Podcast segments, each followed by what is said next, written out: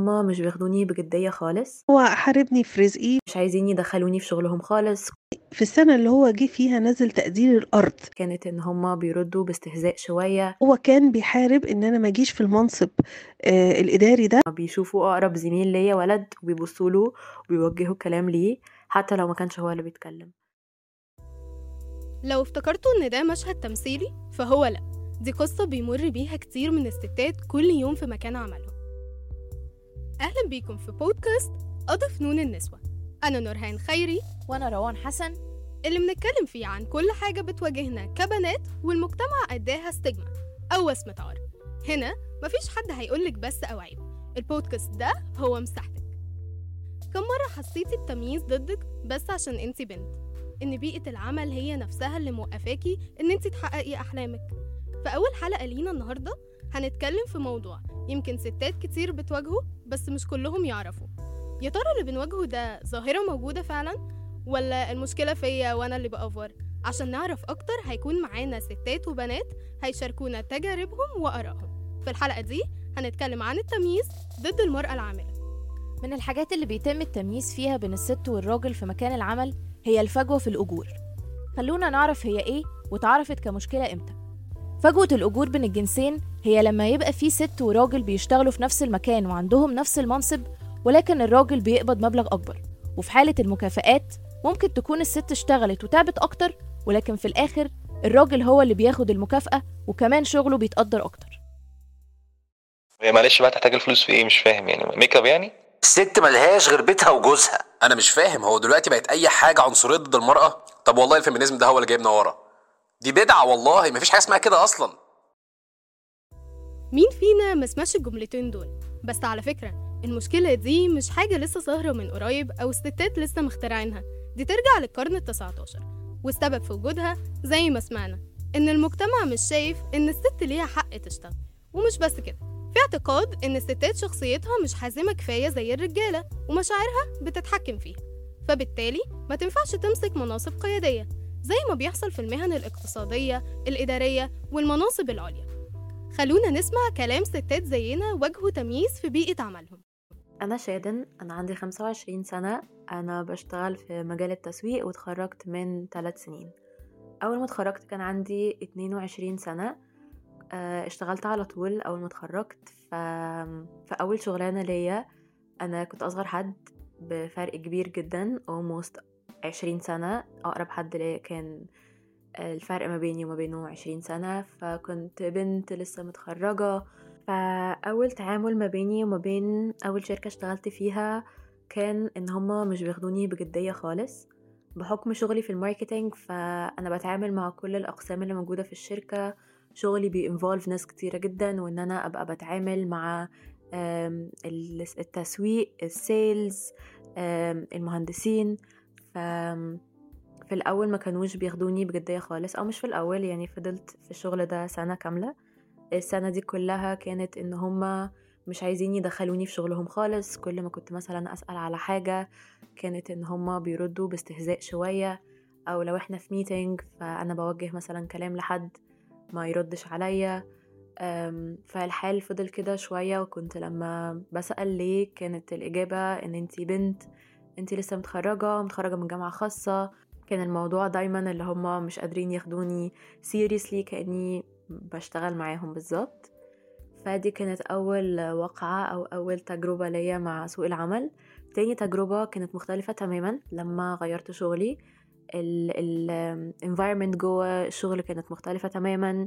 الناس كلها كانت بتتعامل مع بعض كويس ولاد أو بنات. كلنا كنا بنتعامل equally بس الموضوع كان بيبقى باين قوي لما بنروح اجتماعات برا الشركة أي اجتماع برا الشركة حتى لو كنت أنا اللي بتكلم في الاجتماع ده أنا اللي معايا الشغل وأنا اللي بحاول أكلم الشركة التانية في whatever إحنا بنعمل إيه كان دايما ال clients الرجالة بالذات ممكن يبقوا بي disregard كلامي خالص أو إن هما لو عندهم سؤال لو عندهم comment لو عندهم أي حاجة فهم مش بيوجهوا كلامهم ليا بالعكس هم بيشوفوا أقرب زميل ليا ولد وبيبصوا له وبيوجهوا كلام ليه حتى لو ما كانش هو اللي بيتكلم. لو أنا كنت مثلا بتكلم في حاجة وهم عايزين يسألوا على نفس الحاجة اللي أنا بتكلم فيها بيسألوا أقرب ولد قاعد ليا وده اتكرر أكتر من مرة. فده كانت my experience يعني when it comes to سوق العمل. فجوة الأجور بين الجنسين بيعاني منها الدول المتقدمة والنامية وفقا للأمم المتحدة فهي موجودة بنسبة 23% في العالم. في 2020 الجهاز المركزي للتعبئة والإحصاء في مصر سجل تفاوت بين أجور الإناث والذكور في القطاع العام والقطاع الخاص. يعني مثلا لو الراجل بيقبض 1000 جنيه في الشهر الست بتقبض 800 ومن الأرقام للواقع تعالوا نسمع تجربة تانية.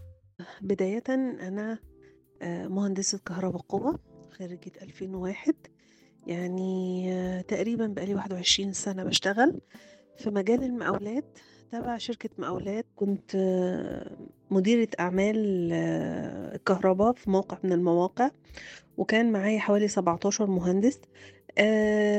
منهم ناس كانت في سني ومعظم الناس كان أصغر مني سنا وكان لينا مدير آه، المدير ده آه، مسك مرة آه، المكتب الفني بتاعي هو ولد بس ولد محترم قوي فعلا.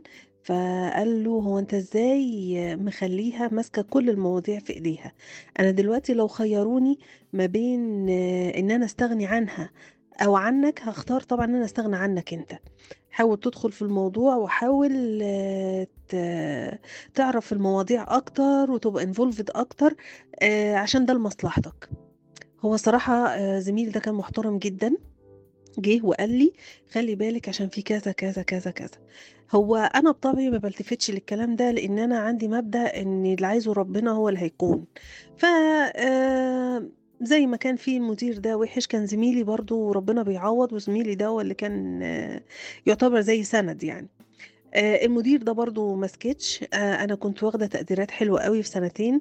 قبليها سابقين يعني في السنة اللي هو جه فيها نزل تقدير الأرض مع إني لو كنت خدت تقدير كويس للسنة الثالثه كان ممكن آخد علاوة.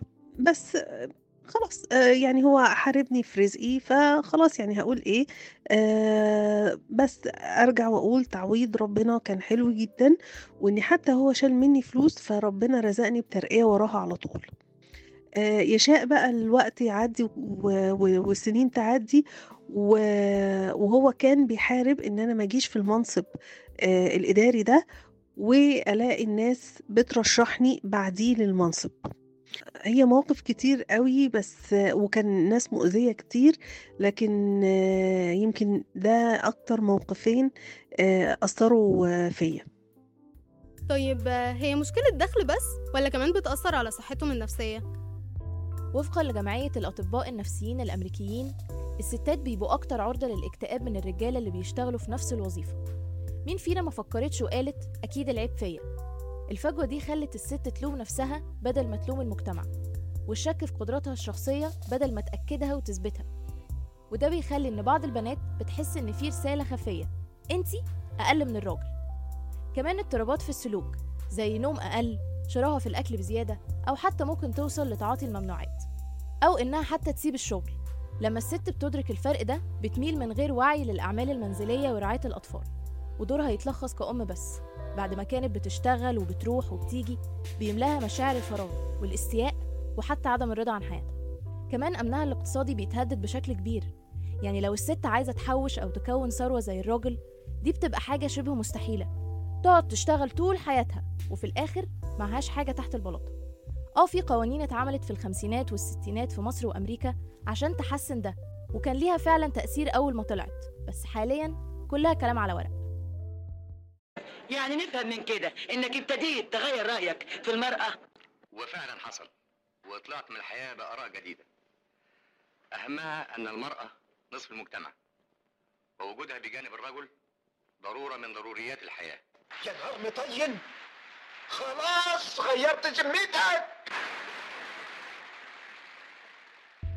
وعلى رأي المثل لو الراجل بحر فالست جسر. ولا أنتوا إيه رأيكم؟ هنستنى ردكم على مواقع ال social media بتاعتنا وما تنسوش تضيفوا نون النسوة. كان معاكم نورهان خيري وروان حسن في بودكاست أضف نون النسوة. فريق عمل البودكاست بحث وإعداد روان حسن طه إيهاب يارا أحمد. سكريبت طه إيهاب نهى محمد يارا أحمد منى عبد النبي. مكساج جنى فتحي نورهان خيري. وسوشيال ميديا حبيبة محمد جنى فتحي نوران طارق ساجي محمد آلاء محمد شهد حلمي وإسراء بلال. وإخراج منى عبد النبي. استنونا في الحلقة الجاية يوم الحد الساعة 8 من بودكاست قدر نون النسوة.